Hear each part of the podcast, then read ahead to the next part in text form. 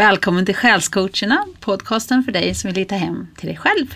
Och jag heter Regine Grundel och jobbar som intuitiv vägledare. Och jag heter Anna Andergran och själscoachar föräldrar. Och idag har Anna en idé om ett avsnitt. Ja, vi pratar ju lite om det här med sanning och att det finns många olika upplevelser av vad som är sant. Och att vi, det känns som det är mycket polaritet i samhället nu kring olika frågor. Och det håller jag med om. Mycket ilska också. Sådär. Mycket jag har rätt eller vi har rätt och de har fel och sådär. Och båda sidor är lika övertygade på något vis om att det här är det som är sant och rätt och det andra är absolut fel och sådär. Jag tycker det är ett intressant fenomen och också ibland lite så här nästan lite skrämmande att det blir så starkt. De här eh, ja, uppfattningarna om att det här är det enda rätta. Mm. Och historiskt sett så har det funnits lite så, om man tänker på religion och uppfattningen av vad som är sant och inte den vägen. Ja. Men då var man ju lite mer överens. Då var det som att alla trodde ungefär på samma saker. Ja. Men som i våran värld idag, där vi kan få information från så jättemånga olika håll. Ja. Internet, tv och tidningar. Vi har så många kanaler idag. Ja. Så det blir ju ett sammelsurium av information Precis. kring allt och alla. Och där står man i mitten och snurrar lite och så kanske man bestämmer sig att nej men det där, det där känns rätt, det tror jag på. Och så slåss man riktigt för det. Mm. Och jag tror att man slåss extra hårt för en åsikt när man känner sig lite osäker överlag. Ja, för då behöver man något att hålla i. Precis. Och då kan man bli så här obstin- obstinat, att Ja. det måste vara så här, för jag har bestämt det och Ja. annars så blir jag otrygg och rädd. Precis, jätteviktigt faktiskt kände jag när du sa det. Att så är det ju förstås. Att eh, så länge man verkligen är på djupet övertygad om att det man känner är sant är sant så behöver man inte vara så rädd och så arg och försvara det så hårt. Nej, man behöver inte försöka övertyga alla andra om det Nej. jag tror på, att det är det Precis. enda rätta. Liksom. Ja. ja, och att det är nog lite typiskt den här tiden vi lever i, informationssamhället, eh, så är ju ett begrepp som finns. Eh, att information sprids så snabbt på det horisontella planet och förr har det kanske varit så att det har funnits, vi har talats om för att så här är det. Det har funnits vedertagna kanaler som talar om att så här är sanningen. Det här ska alla tro på oavsett om det har varit kyrkan eller vad det har varit. Som talar om att det här är sanningen och så är alla överens om att ja, det är sanningen. Men nu så, så tillåts ju information att flöda på fler sätt. Eh, Och då blir det lite förvirrat ibland för att vi har inte tillgång till samma, samma informationskällor riktigt. Nej, och vi kanske inte kan luta oss emot någon auktoritet som säger så här är det och att vi tror på det. Nej, precis. Allting sånt där är ju uppluckrat idag. Ja, det är det. Vi har ju bara oss själva och, och använda som spröt i världen vad vi tror är sant och inte egentligen. Ja, för det är ju också intressant. Jag som är skolad då ingenjörsmässigt och vetenskapligt och så här att det det är ju också så med forskning och vetenskap att det inte är självklart där heller för det beror lite på vilken forskning man tittar på. Det kan gå ganska mycket emot varandra ibland. Ja, Och- absolut. Att, och att vissa kommer ju fram mer än andra mycket för att det är där pengar läggs. Och vad är det för krafter som väljer att lägga pengar just där och som då stödjer vilken forskning det satsas pengar på att driva. Och vilka Mm. resultat man då har intressen av kommer fram där och så vidare. Så att, Ja, ja men det där är något Det. som jag har tänkt på jättemycket också. Att forskning, som, för jag är ju också lite vetenskapligt skolad då. Ja. Och det här med vetenskaplig metod och, och allt, att man ska vara objektiv i, när man undersöker saker. Vilket är svårt att vara för oss människor. Vi, har ju, vi är ju alltid påverkade av saker. såklart. Men säg att Coca-Cola ber dig att undersöka sockrets eh, verkningar. Är du fri då att forska fritt kring sockrets verkningar? Mm. Alltså, man måste ställa sig frågan i alla fall. mm, Men det är, det är där som man hamnar i det där, vem ska jag tro på? Som Thomas Di Leva sjöng för länge sedan. ja, Vem ska man tro på? Vem Ja. kan man lita på? Vem har rent mjöl i påsen? ja. Det tycker jag är svårt.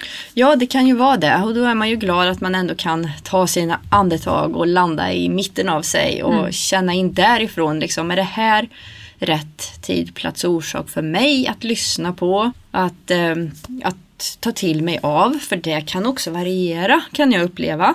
Det kan ju bero på vart jag är på min resa, vad som är rätt för mig att ta till mig av just då. Mm. Eh, för det, det kan ju vara så att en annan sanning eller väg är rätt för någon annan fast inte för mig beroende på vart man befinner sig och vart man är på väg och vad man behöver igenom för att komma vidare. Ja, det där tycker jag är jätteviktigt för att jag upplever ju att vissa sanningar som jag har trott på, de har jag verkligen trott på i perioder. Mm. Och sen så händer det någonting som gör att jag ifrågasätter dem. Ja. Och så börjar jag tro på något annat. Precis. Men för att jag skulle komma framåt så behövde jag tro på den där första sanningen först. Ja. För det var en, ett steg på vägen. Ja. Men det är ju alltid svårt för oss att, att veta ja, det här frågan med finns det en sanning som är okränkbar och alltid är samma hela tiden? Mm. Eller är all sanning subjektiv och utifrån hur jag upplever det och vad jag vill? Mm. Vad tror du om det? Jag tror att det finns en, eller ja, min upplevelse är att det finns en universell, gudomlig, okränkbar sanning som ligger under allt på sätt och vis och som alltid är vad den är. Eh, men som mänskliga varelser så tror jag att vi alltid upplever mer eller mindre eh, subjektivt. Eh, så att våran upplevelse är subjektiv och baserad på vad vi har med oss, vilken information vi har tagit till oss Kanske inte bara i det här livet utan även i tidigare liv men om vi begränsar det till det här livet då beroende på hur är vi skolade och vad är vi uppväxta i för kultur och för sammanhang och vilka, ja vad har vi för vänner och, och sammanhang, jobb och så vidare omkring oss. Allting vi är med om formar oss och formar vårt perspektiv och vår upplevelse av vad som är verkligt och sant och rimligt och rätt och, mm. och allt det där. Ja, för att vi tar ju gärna för givet att våran verklighetsuppfattning som vi har här i Sverige där allt är mm. ganska tryggt och lugnt och, och, så här. Den är samma för alla i hela världen. Och då glömmer man ju gärna att vi, vi bor i ett land som är jättestor skillnad mot många andra kulturer ja. som har helt andra sanningar och uppfattningar. Mm. Men i våran omedvetna värld mm. så är det ju som att eh, det är så här det ska vara. Ja.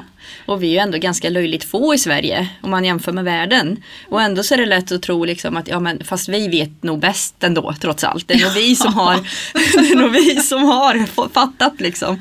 De andra är nog dumma allihop. Ja, ja det, det, är inte så ödmjukt. Nej det är inte det och det tycker jag är så viktigt. Att, att, eh, att vara ödmjuk just inför att man har faktiskt inte kunskap om allting. Det är massa Nej. saker man inte vet och det finns massa perspektiv som vi inte vet någonting om.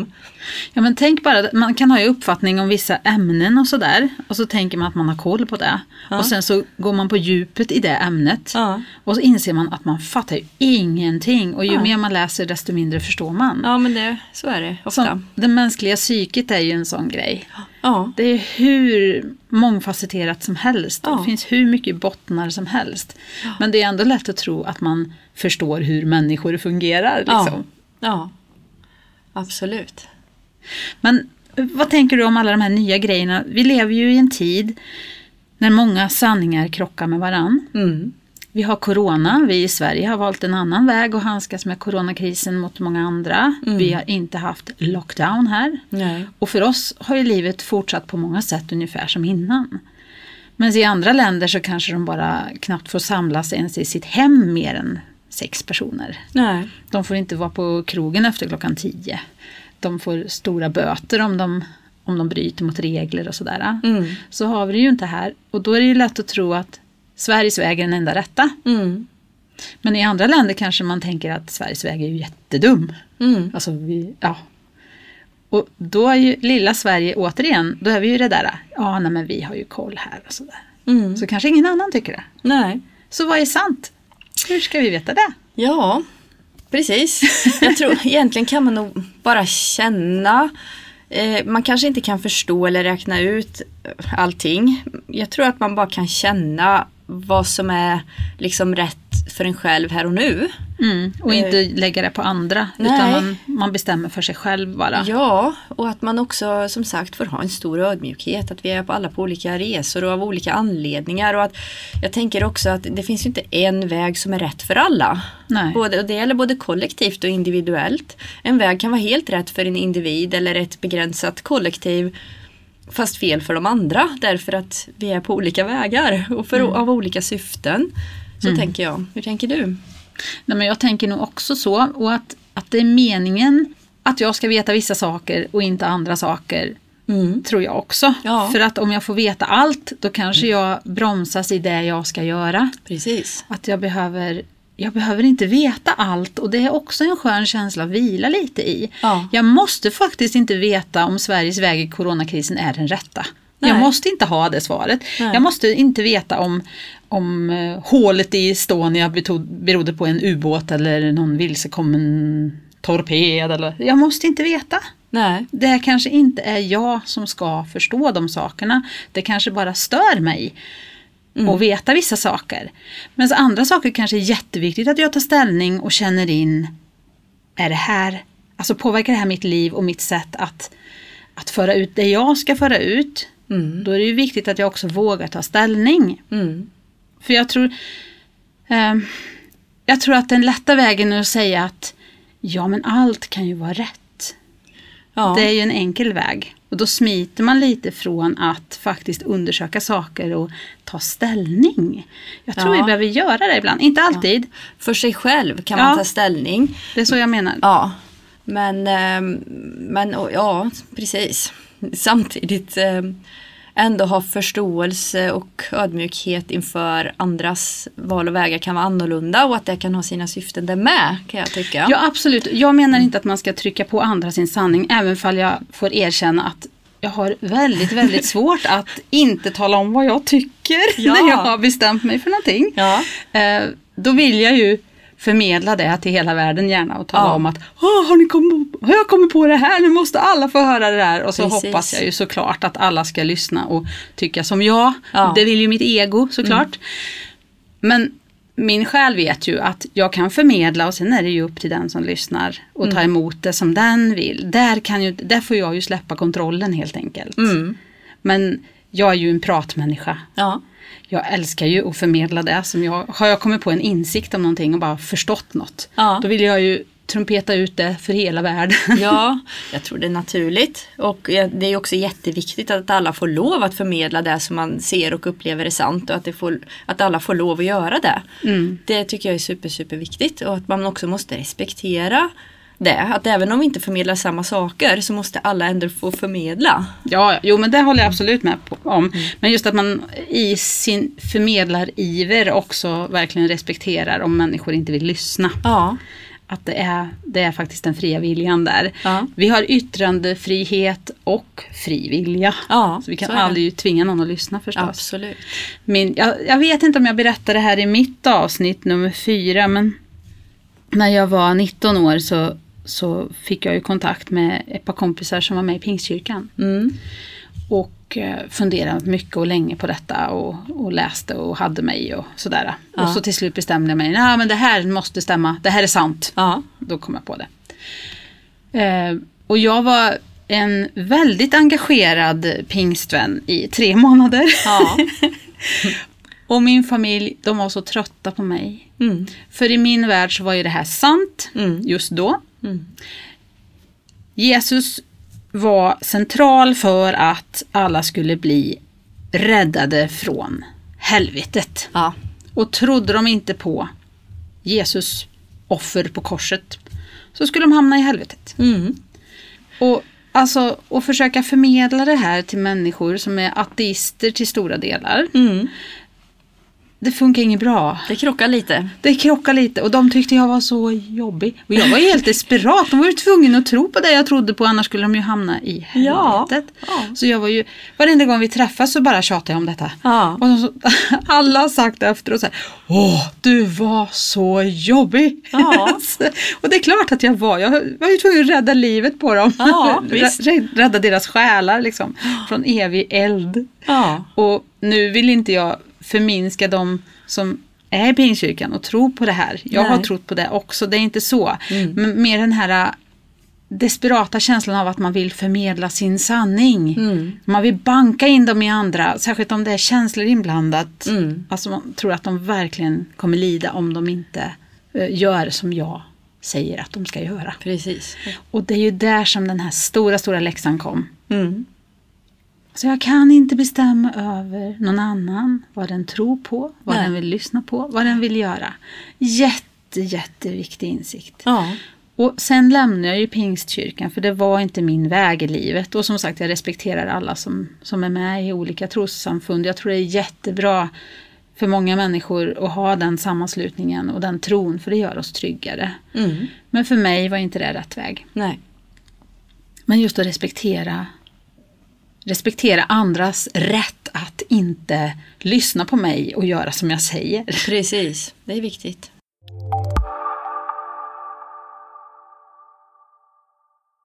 Ja, men jag kan ju för, ha full förståelse för båda sidor i den storyn som jag, som jag tycker att jag rimligt ofta har i de polaritetssituationer som pågår i, i världen just nu också. Att jag kan ju se den ena sidan och den andra sidan. Det är klart att man vill hjälpa från det perspektiv man upplever är rätta vägen att hjälpa. Och det är klart att man inte heller vill bli påprackad och övertalad och liksom översprungen och bestämd vad man ska tycka och tänka och tro. Det, det... Nej, för psykologiskt är det ju så här att om du försöker övertyga en människa om någonting Ja. och den börjar göra lite motstånd, Mm. då övertygar du ännu hårdare och ännu mer och då blir motståndet större Ja. och hårdare. Och ju mer den ena försöker, desto mer gör den andra motstånd. Absolut. Så från början är ju det här en omöjlig ekvation. Ja. Folk lyssnar på dig om du ger dem friheten att lyssna. Mm. För då vet de att de kan ja, strunta i det om de inte vill. Precis. Men just det där när de där känslorna är med i, det är Ja. då vi krockar hela tiden. Ja, så är det. Ja, viktigt. Så sanning handlar väldigt mycket om perspektiv och respekt Ja, det gör det. egentligen. Mm. Men det finns ju vissa sanningar som, som jag också är stängd för, som jag inte ens vill lyssna på eller släppa in. Mm. Och det blir ju på något sätt ett... Ibland är det omedvetet val. Mm. Det är vissa saker som är tabu på något sätt i vårt samhälle att prata om. Och där är ju jag också. Ehm, och så omedvetet tror jag att man från barndomen också har med sig si- vissa saker som man är rädd för att lyfta och prata om. Mm. Jag tror det finns väldigt många sanningar som vi gömmer oss för. Ja. Eh, eller perspektiv kanske. Mm. Livsperspektiv kanske är bättre. Det är ju till exempel det här med eh, de som är aktiva inom olika främlingsfientliga organisationer. Mm. De känner ju jag att jag ett mot, det blir ett motstånd för mig och Ja. ens lyssna på det perspektivet. Att ta till sig och förstå. Ja, jag vill inte ens förstå dem Nej. och då stänger jag ju mig från början. Ja. Men eh, är det rätt att välja bort vissa saker? Jag kan väl tycka att jag för mig kan liksom, ta ställning för det jag känner är rätt. Men utan att hata eller vara arg på, alltså, så här, känna vrede och hat mot människor som ser det på ett annat sätt. För jag kan ändå förstå att man kan komma till ett sånt perspektiv på grund av kanske, ja men omständigheter. Det kan vara, jag vet ju inte vad de har för väg att resa och vad de har sett och upplevt som sant som har fått dem att eh, ta sån ställning.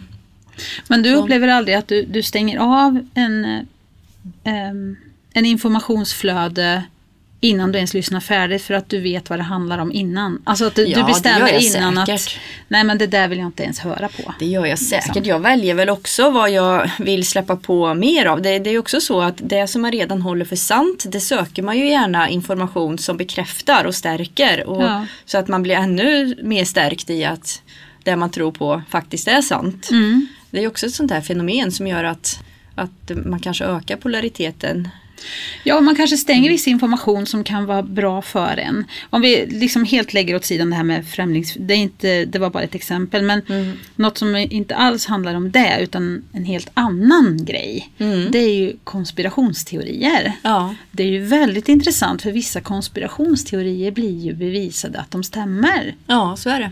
Men känslan när man hör konspirationsteorier, det ordet är ju att det är någon foliehatt som är ute och spejsar och, och, inte vet liksom, vad mm. sanningen och verkligheten är. Liksom. Mm. Och det är lite synd för vi har lagt en värdering i det ordet mm. när det egentligen bara betyder att det är en idé om att någon inte har fört fram sanningen utan gömt den mm. för andra människor. Ja. Och att folk ifrågasätter sanningen. Ja. Konspirationsteorier ifrågasätter ju en, en väletablerad sanning. Ja. Men är inte det vi är inte det bra? Ja, jag tycker att det är bra att man eh, vågar ifrågasätta och att man undersöker olika perspektiv och möjligheter i, och inte bara bestämmer sig för att det här är den enda möjliga sanningen för att någon har sagt det eller sådär. Eller för att man har bestämt sig för det utan att man kan vara lite öppen för att man inte vet allt och att eh, ja, gräva lite djupare. Kolla lite olika slags källor och så vidare. Det kan ju vara jätteviktigt för att lära sig något nytt också. För vi har ju alla möjligheter att lära oss om allt möjligt idag. För vi har ju en outsinlig källa av information. Så är det ju. På internet till exempel. Precis. Men jag tänker också att vissa ord blir värderade. Ja, så är det ju. Och då är ju frågan om inte, när vi börjar värdera ord som bra eller dåliga, mm. tar vi inte ett steg ifrån sanningen då? Mm. Jag är inte säker på hur du menar men, men när man säger konspirationsteori om någonting så har jag ju också märkt att då kan man sluta titta på det. Då behöver man inte gräva vidare utan då kan man bara avfärda det. Mm. Och, och, så. och det är lite synd just för att det ibland visar sig vara sant lite senare. Ja, precis. Och, så då är det viktigt då att man tittar på var kommer informationen ifrån. Man ska ju inte bara rakt av svälja det bara för att det är ett alternativt förhållningssätt till det vedertagna. Men man kan ju i alla fall titta på var, varför, varför hävdar vissa att det är så. Alltså vad grundar de det på? Mm. Och titta lite djupare på det så, var kommer det ifrån? Och det handlar ju lite om att våga ifrågasätta det som man upplever som sin verklighetsbild eller mm. sanningen i sitt liv. Mm. Alltså, det kräver ganska mycket trygghet ja. att våga ifrågasätta sin världsbild. Ja, det gör det ju. Och den är ju på många delar omedveten. Då. Ja, så är det. Men om man hör någonting så skulle jag ju önska att man vågar i alla fall ta in det i sig och fundera på kan det ligga någon sanning i detta? Mm. Även om det är en så kallad konspirationsteori eller något som jag absolut aldrig har trott på förut. Ja. Att man ändå tittar på det och värderar det. Mm. Utifrån den information man kan få. Ja. Och inte bara avfärdar, för det upplever jag att vi lätt gör. Det där har jag aldrig hört förut, det låter inte sant. Jag säger att det är inte för mig. Mm. Men då minskar vi ju livet väldigt. Vi begränsar oss ju ganska mycket om vi bestämmer redan innan vad som är sant och inte. Ja, och det är väl kanske också att många har mycket att göra och man orkar inte ta till sig allt och så vidare. Mm. Men det är ändå bra att vara medveten om att man funkar så. Mm. Så att man kan välja medvetet att eh, ja, stänga ute eller inte och att man kanske ändå kan vara lite medveten om att man som sagt inte vet allt faktiskt. Och att, ja. Har du haft någon sån där upplevelse i livet när du har blivit lite tilldaskad liksom. Att du har trott någonting har varit sant. Mm. Eh, och sen så har du börjat våga ifrågasätta eller kanske sett någon film, läst någon bok eller hört mm. någon intervju och så bara så här, oh shit. Ja. Det kanske är på något annat sätt. Ja, absolut, många gånger och det kan ju handla både om existensen, vilka vi är och, och vad vi är här för och så vidare. De här stora, där kan jag ju uppleva att jag har haft genombrott och att min tro eller min övertygelse, mitt vetande har förändrats längs resans gång. Men också med sådana här världsliga då. Um, det som inte är kopplat till mig som individuell själ utan mer de här kollektiva världsskeendena. Uh, mm. mm.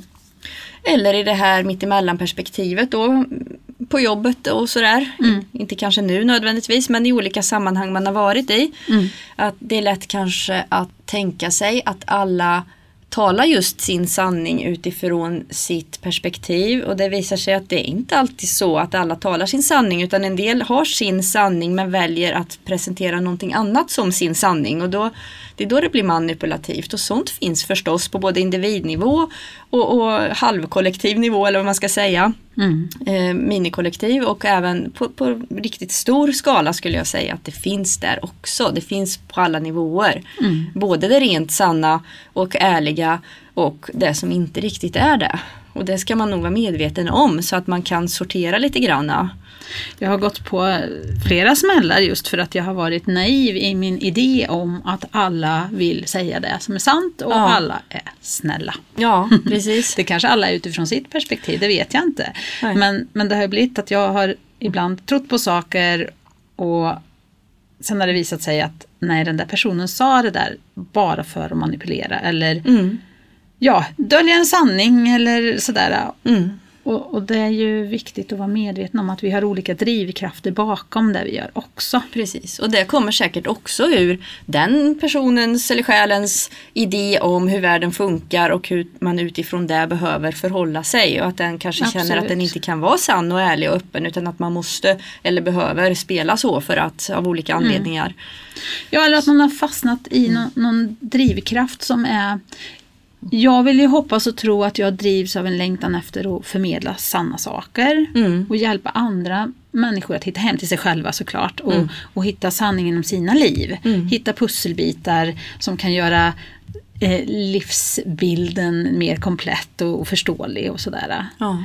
Men jag inser ju att det finns också människor som drivs av helt andra krafter. Mm. De, de kanske drivs av framgång, mm. de kanske drivs av makt, de kanske drivs av pengar. Ja. Alltså, och då får man ju helt andra idéer om vad som är viktigt i ett möte med en annan människa. Helt Så enkelt. är det ju. Mm. Och vi är ju väldigt olika och det är också något vi måste respektera. Jag har ingen rätt att säga att, att eh, den personens val är fel. Nej, alla har ju sina skäl som sagt. Så är det, men det är bra att vara medveten så att man själv kan navigera på sin egen väg mm. på ett sätt som är bra för en. Mm. Absolut. Och andra förhoppningsvis. Mm. ja.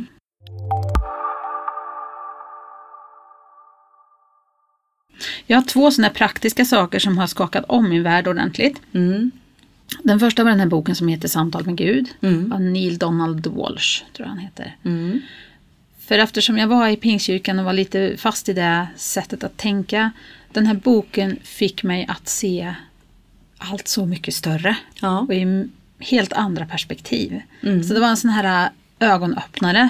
Mm. Och så här, ja men det här känns sant. Då mm. kände, det var som att hela min varelse vibrerade i samma takt som den här boken. Liksom, ja. budskapet. Och jag bara kände yes, ja. nu, det här, det här kan jag tro på. Och då kom sanningen ifrån magkänslan, sjunde sinnet, ja. intuitionen. Alltså bara yes. Det mm. kom inte från hjärnan. Nej. Men när jag, när jag trodde på Pingstkyrkan då, då gick jag via hjärnan. Mm. Då blev jag övertygad i hjärnan. Mm. Men den här boken var så här, bara en duns ja. i mellangärdet liksom. Och nästa gång det var när jag såg filmen Zeitgeist. Ja. Man kan ju ha massa idéer om den filmen men den fick mig att se utanför min lilla box. Mm. Den fick mig att se världen i ett större perspektiv mm. och börja ifrågasätta de här lite större sakerna. Mm. Som pengasystemet och religioner och, mm. och lite annat. Um, och den var också en sån här Ja, en, en smäll i mellangärdet. Ja. Alltså, det kanske inte är, allt kanske inte är precis så som du tror Regine. Nej. Du kanske ska undersöka din värld. Ja. Kanske börja ifrågasätta de självklara sanningarna. Mm. Du kanske faktiskt ska bestämma vad som är sant för dig. Mm. Och det vet jag att du och jag hade ju en liten träff här i, i våras när det var så kaos allting. Mm. Med corona och allt vad det var. Då, då träffades ju vi och så ställde vi oss och andades. Ja. Jorda oss och himla oss. Ja. Som du, avsnitt 7b är en fantastisk övning om man vill jorda och himla sig kan jag säga. Eh, och sen kände vi in saker och ting, liksom, kände in information mm. och kopplade den till vårt mellangärde, mm. vårt centrum. Och kände, är det här sant? Ja. Stämmer det här? Ja.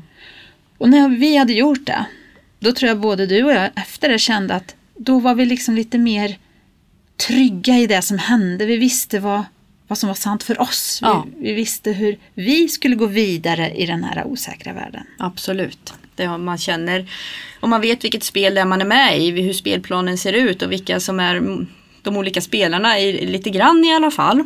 Mm. De som är väsentliga för en själv och ens liv och ens väg och så vidare. Så blir det mycket lättare att spela vidare. Man vet villkoren lite mera. Ja, man har öppnat man har öppnat, eh, eller man har dragit upp gardinen, kanske, Ja. eller dragit isär gardinen. Precis. Så man ser en större bild. Så är det.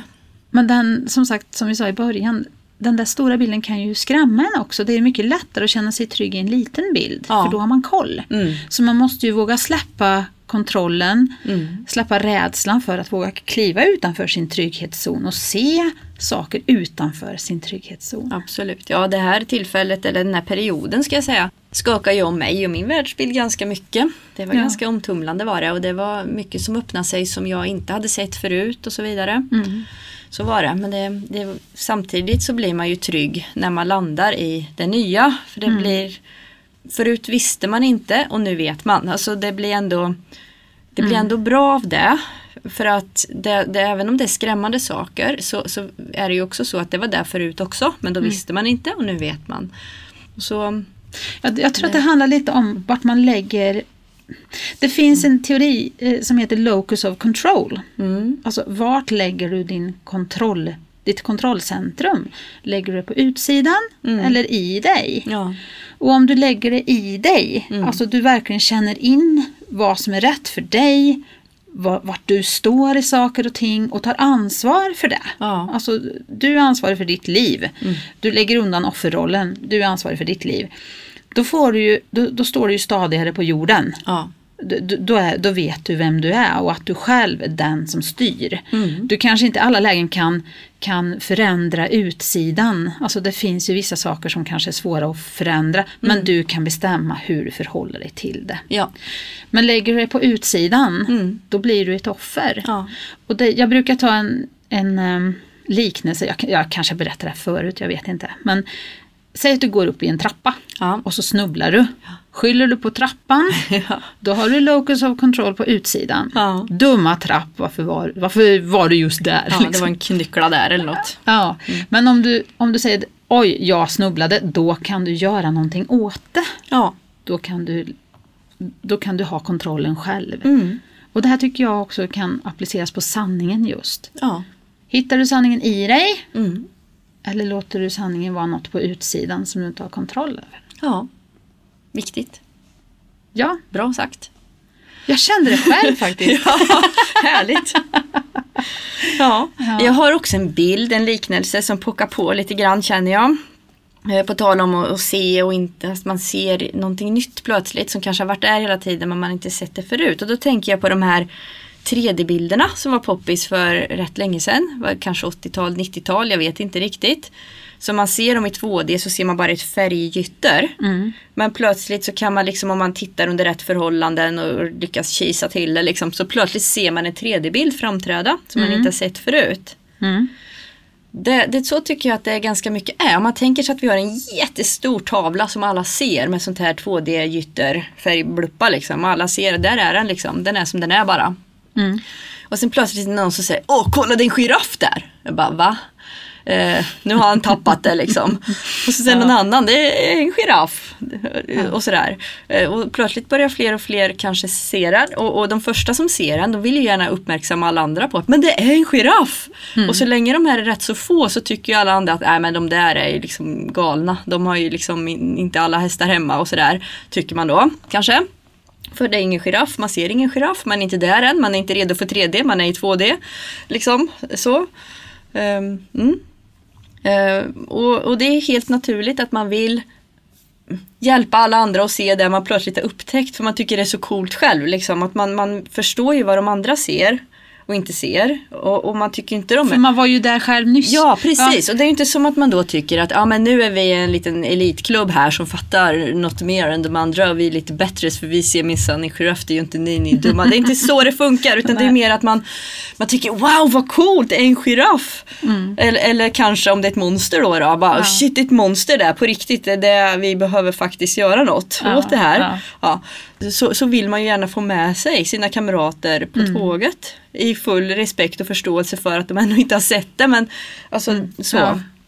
Och just det här hjälpa dem att se giraffen. Ja, Alltså gör så här och så här så ser ja, ni. ja, Alltså, mm, precis. Kolla från det här perspektivet. Ja. Testa och kolla från det här hållet. Liksom. Behöver mer information, Ja. lite mer pusselbitar, Mm. titta lite djupare. Ja. Alltså ge inte upp innan du ser bilden. Precis. Ja, den tyckte jag själv var lite bra. Den var bra. Ja.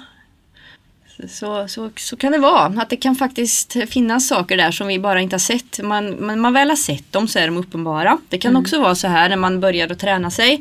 Att man ser giraffen och sen så försvinner den. Mm. Och sen ser man bara blurr igen. Mm. Men nu vet man att den finns där. Det Ja. visste man inte förut. Och det vetandet kan ingen ta bort. Liksom, även fast man kanske på det mesta delen av tiden ser det de flesta andra ser också och lever i den världen. Så plötsligt så vet man ändå att det finns något mer där. Mm. Det finns ett djup som Mm. man, man skymtar ibland. Ja, som försvinner precis. ibland. Men man vet att det är där. Ja. Ja. Vad spännande. Ja.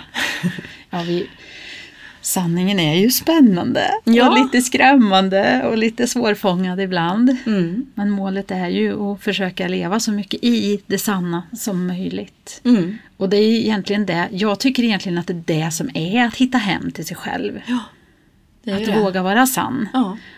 Våga se sanningen också som jag uppfattar den och inse att ja, man måste respektera att vi alla ser olika. ja, ju. För att jag har ju starkt i mig att jag vill ju veta mer. Jag, vill, jag Mm. drivs av att vet, få, ja, få, få mer tillgång till mer sanning hela Ja. tiden. Så.